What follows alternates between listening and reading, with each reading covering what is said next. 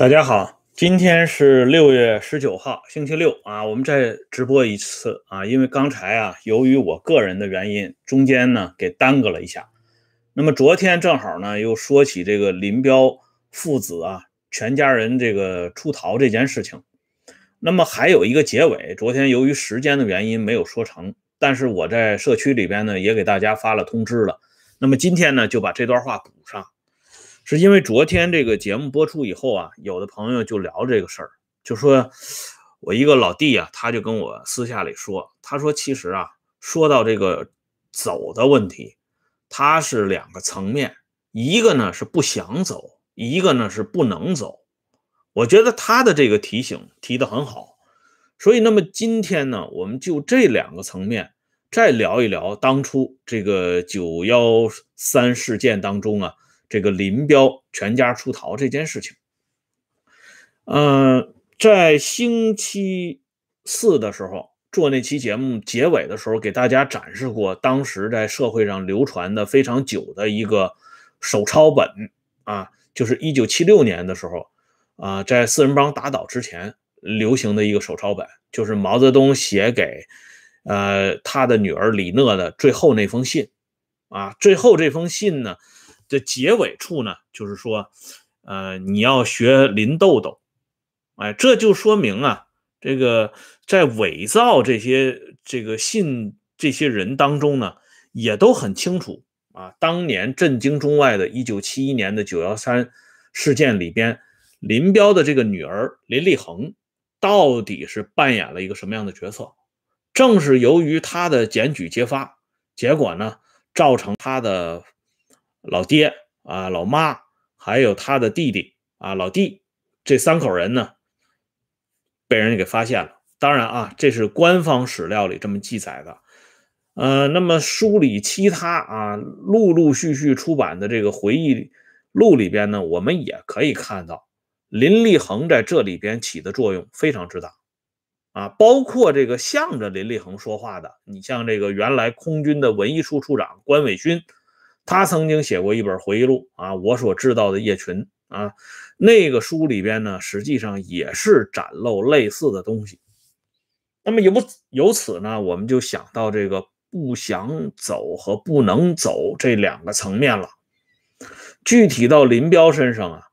张宁晚年的那个回忆录，他也提到这个问题，就是林彪最后呢，啊，据他回忆，林彪最后也说过这样的话。就说他到底呢是一个这个啊那个意思，就是说他是一个怎么不管怎么讲，他是这个民族的一份子啊，他不会就是做出这个违拗这个民族利益的这么一个人啊。这话呢没有说的这么委婉，比较直接啊。当然呢，我们是愿意啊把这个张宁的这个回忆。算作是诸多啊回忆当中的一段啊，当然了，这个他回忆的是不是准确，是不是真实，那还有待其他相关材料呢进行考证。但从张宁的这个回忆当中，我们也可以看到，林彪呢确实是不想走啊，因为这个问题，昨天我们有一位资深的网友说的很有道理，走了以后。什么都不是了啊！我还是引用黄永胜那句话：“跑什么跑啊，坑死人了，就这么简单。”啊，历史呢是不能假设的，但是据说啊，在历史研究当中呢，有一种这个推论啊，就是用假设的这种办法来推论当时历史发生的背景和走向。那么按照这种假想的推论呢？啊，林彪如果不走，会不会是另外一个情况？啊，当然我们也是无从知晓啊，只是做这么一个设想。而正是由于林彪走了以后，这四大金刚首当其冲，黄五李秋这四个人他说不清楚了，而林彪这个家族呢，由此是灭顶之灾啊，万劫不复。啊，不管这个民间推动什么样的这个方案呢，教区啊，官方呢始终把这个盖子压的是死死的，啊，你实际上呢，咱们说林彪这个案子，从官方的角度来讲是根本翻不过来的啊，这个呢也不必抱太大的幻想啊，这是事实。而之所以林彪的翻案啊很困难，除了这个上个世纪八十年代的这个政治审判以外，更主要的因素就是他的这个逃走，一逃很多事情就说不清楚了。哎，这一点呢，说实话，跟当年的张国焘的出走非常接近。哎，张国焘呢说一千到一万，最终回不来。也是由于这个原因，哎，其实呢，陈独秀、王明都是一个道理，嗯。那么具体说这个不想走啊，还有一点呢，啊，咱们就引申一下，就不局限于在林彪这个身上了啊，因为昨天咱们说的这个话题是源自于最近互联网上传闻两位高级官员、高级领导人的出走的这个话题，人家在国内呢。待的好好的啊，高官得坐，骏马得骑，他为什么要走呢？昨天这位资深的网友留的那个回复，我觉得大家啊，真的可以看一看啊，因为一旦出去以后，谁认识你老大贵姓啊？啊，这是一方面啊，因为昨天已经谈到他这个为什么要走啊，这原因，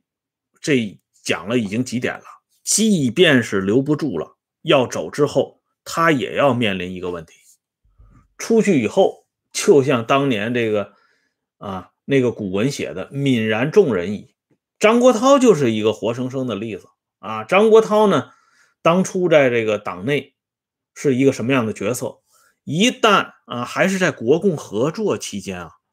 投到国民党那边，最后张国焘这一生的浮沉，大家看的已经很很清楚了。所以张国焘晚年就曾经动了念头，想重新回到这个阵营里边来，只不过是由于当时中央要求张国焘必须发表一个声明，所以这些啊，说实话，从林立恒的举报上边就已经能够看到问题的端倪了。为什么呢？林立恒这个人为什么要举报呢？这里其实啊，咱们说一下，一方面呢是由于大趋势。当时的那个形势啊，已经把这个毛呢塑造成神了啊！你要跟神来对抗，那仔细想一想，这个结果，这个后果是什么？是显而易见的。这是一方面，还有一方面呢，包括林立恒自己在内，也被他爸爸林彪推动的这场个人崇拜运动呢。已经吹的是晕头转向啊，在他内心心心目当中呢，对毛的这种概念也跟啊很多人一样，认为毛是一个凛然不可犯的人，否则的话他不会采取这种手这种做法。还有一点呢，自然就是与这个林立恒与这个林彪家族他们之间的这个关系有联系。啊，我们知道这个林立恒在林彪家里啊，属于这个啊爹不亲娘不爱的这么一个人啊。尽管呢，林立恒自己啊后来描述了说他爸爸林彪对他还怎么样怎么样啊，但是这都是来自于林林立恒一个人的说法。叶群敢于那么痛打林立恒，如果林彪在家里能够一直为林立恒主持公道的话。叶群是不敢下这个手的，否则的话，这个逻辑就说不通了。那就相当于说，林彪在毛家湾是傀儡，叶群呢在家里可以做到一手遮天，甚至啊暴打自己的亲生女儿，呃，林彪呢都会被蒙在鼓里。这种说法，别说放在他们那种家族里边是不能成立的。即使是放在咱们今天放的这个电视连续剧都挺好，里边苏大强的那个角色也是不成立的啊。苏大强的老婆每次训斥或者是伸手打这个女儿苏明玉的时候，苏大强都有意的躲开了。他不是看不见，他是不敢管而已。哎，所以从这个林立恒同他们家的这个紧张的关系来看，林立恒的举报也是成立的。至于啊，到今天林立恒为什么反过来替林彪父子喊冤叫屈，这一点以前咱们的大先生呢解释的非常好，我在这里呢也就不重复了。这个原因跟咱们这位大克先生昨天他在节目的回复里边啊。说的那段意思呢，是异曲同工，大家可以去温习一下，很有意思啊。那么接下来呢，咱们再说一个不想走的一个小例子啊。大家看一下这本书，这是我当年小的时候喜欢读的一本书，小说《李自成》啊。这里边呢，第一卷的下册里边描写了一个情节，就是。张献忠在古城重新起义的时候，重新造反，他拉了一个举人叫王秉贞入伙啊，因为这王秉贞呢，举人出身啊，在当地呢有头有脸，拉这个人重新入伙呢，这不是壮大革命的声势吗？但是王秉贞这个人啊，啊，不愿意，中间呢就开小差就跑了。那么有一段情节就说到王秉贞逃跑这段事儿，张献忠的干儿子张可望向他的干爹来报告啊，说这王秉贞逃跑了。然后张献忠的军师徐以显用平淡的口吻说了一句话，说王秉贞这个人舍不得祖宗家业，又念念不忘他是举人，原本就无心跟随大帅起义。我早就料到他迟早会逃，不过没有想到他逃得这么快。哎，这这个当然是这个演绎小说里啊这个虚构的情节，但是通过这个虚构的情节，我们可以看到一个真实的背景，就是像王秉贞这样的人，他不过是个举人出身而已，还没有做大明朝的官儿，而且那个时候大明朝也已经是行将覆灭了啊。内忧外患太多了，可是当张献忠拉这王秉贞入伙的时候，王秉贞都不想走，啊，还是这个想方设法的逃离了这个大西军的阵营，那么就更不要说比王秉贞啊量级重多少倍的这些大人物了，这是一个常识，啊，那么接下来呢，咱们再说一个不能。走的话题，这个话题呢，就是跟今天啊，跟现实有关系了。刚才说的是历史，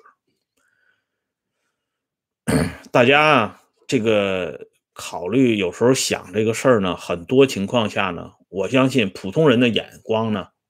他有普通人的这个落眼之处啊。比如说以前说相声啊，经常听到这个相声里边说这么一个段子，说这个。农民兄弟呢，在一起聊天说这个大夏天呢，天气这么炎热，这皇帝在宫里头，他应该怎么享受呢？啊，有的兄弟就说了，那皇上肯定是这个脚泡在凉水盆里，然后呢，吃着这个呃这个冰镇的大西瓜啊等等，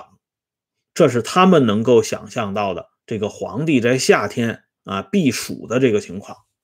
实际呢，咱们看一下清朝的这个宫廷档案，清朝皇帝的避暑可不仅仅是啊把脚泡在凉水盆里吃个冰镇西瓜那么简单。但是呢，由于这个局限性，他能想到的就是这样。所以呢，按照普通人的理解呢，这些当官的啊是是想跑的话，可能就像那些厅局级啊，或者是这个县团级那些干部一样，夹个包呢，啊拿点这个银行卡。就坐飞机就跑了，没那么简单啊！这里呢，我给大家举一个非常这个 有意思的两个例子，一个呢是徐向前的例子，还有一个是刘世杰的例子。刘世杰早一点，他是上个世纪三十年代湘赣省的省委负责人。这个人后来呢，在这个红二方面军长征前夕啊，他就跑了，他是真跑了啊！但是没跑成，为什么没跑成呢？因为他的警卫员发现他，他要叛变投敌，所以警卫员呢就用这个手枪呢，就把他给结果了。这件事情呢，是写在这个王恩茂的日记里边，这是实有其事的啊。所以从这个例子里边，我们就可以看到啊，在那种战火纷飞的年代里啊，这个党呢还没有取得全面的胜利和政权的时候，这个省委负责人你想跑都不会那么容易，警卫员还是跟着要跟党走的，所以你想跑，警卫员就可以搞掉你。啊，这是一个例子，还有一个例子呢，是徐向前的例子。据这个邱会作的儿子啊，邱成光，他有个回忆啊，他和这个他老爹邱会作有一个对话，叫《心灵的对话》吧。啊，我还有这本书啊，我给大家看一下。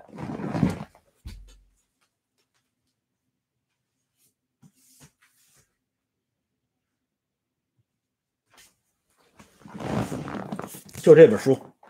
啊，《心灵的对话》两卷本啊，在这本书里边呢，这个他们就讲了这么一件事儿。当时呢，抓这个杨成武的时候，杨玉富事件，中央警卫团呢去捡这个电话线，结果呢误捡了旁边的徐向前家里的电话线，结果徐向前那边的工作人员啊，他的秘书啊什么的，就以为徐向前出事儿了。于是呢，马上就把徐向前的给看起来了啊，逼这个徐向前呢交代问题。大家想一想，徐帅当时啊，他那个位置，他那个地位虽然已经是岌岌可危了，但毕竟人家还是挂着这个中央政治局委员啊，挂着这个啊中央军委副主席。可是这个秘书在紧急情况下就可以把徐向前看起来。由此呢，咱们就知道这高级干部、高级领导人虽然位高权重，可是，在紧急情况下是身不由己的。这是上个世纪六十年代，一九六八年的事儿。不过呢，邱成光这个回忆啊，后来受到这个研究这个林彪集团的这些学者的质疑啊，这里呢我们就不多谈了。那么到了今天呢？对这些高级干部、高级领导人的这个生活起居的照顾更加无微不至啊！别说这个政治局委员啊，甚至常委这个量级，咱们就不说了，就说这个省部级干部，就说副部级干部啊。我说一个我的老领导啊，这个是我们自己都知道的事儿。我们这位老领导呢是正宗的副部长啊，他呢前些年啊退休了。退休的时候呢，啊，有一次这个安排出去这个啊旅游，啊，其实呢就是旅游啊，用这个考察的名义啊，啊玩一玩。呃，当时呢我们打电话的时候聊天的时候，他就说，他说过一段时间呢，啊，我可能就不在家了，啊，你们也别打电话了，啊，我要跟老伴儿呢出去转一转，啊，最近这几天在办手续，啊，然后他就主动跟我们讲。他说他的这个护照啊，出去的护照要放在中央有关部门那里保存。哎，在他出行的时候，他要打报告啊，给中央有关部门打报告，然后人家审核了这个报告之后呢，才会把这个护照啊这些东西呢给他啊，让他去办相关的手续。这是一个退休的副部长啊。大家想一想，比他级别高的这个高级干部，想要出去，这难度有多大？当然，有的朋友会说，人家肯定不止一本护照啊。但是呢，你要知道，有关部门他也不只是一条对策呀，对吧？咱们想想，当初王立军都已经跑到成都领事馆了，不还是要回来吗？这个对策。怎么来的？他为什么会回来？今天看的还不是很清楚吗？哎，所以呢，这个以后啊，再看到类似的谁谁跑了的这个消息啊，大家啊认真想一想，用常识来琢磨一下，恐怕呢就不那么容易被人家给忽悠了啊。当然，自己要愿意被人家给忽悠或者自我忽悠，那不在此列啊。好了，今天的节目呢，咱们就说到这里。感谢朋友们上来支持和收看。啊，欢迎大家关注温相说时政会员频道，周一到周五每天都有更新。再见。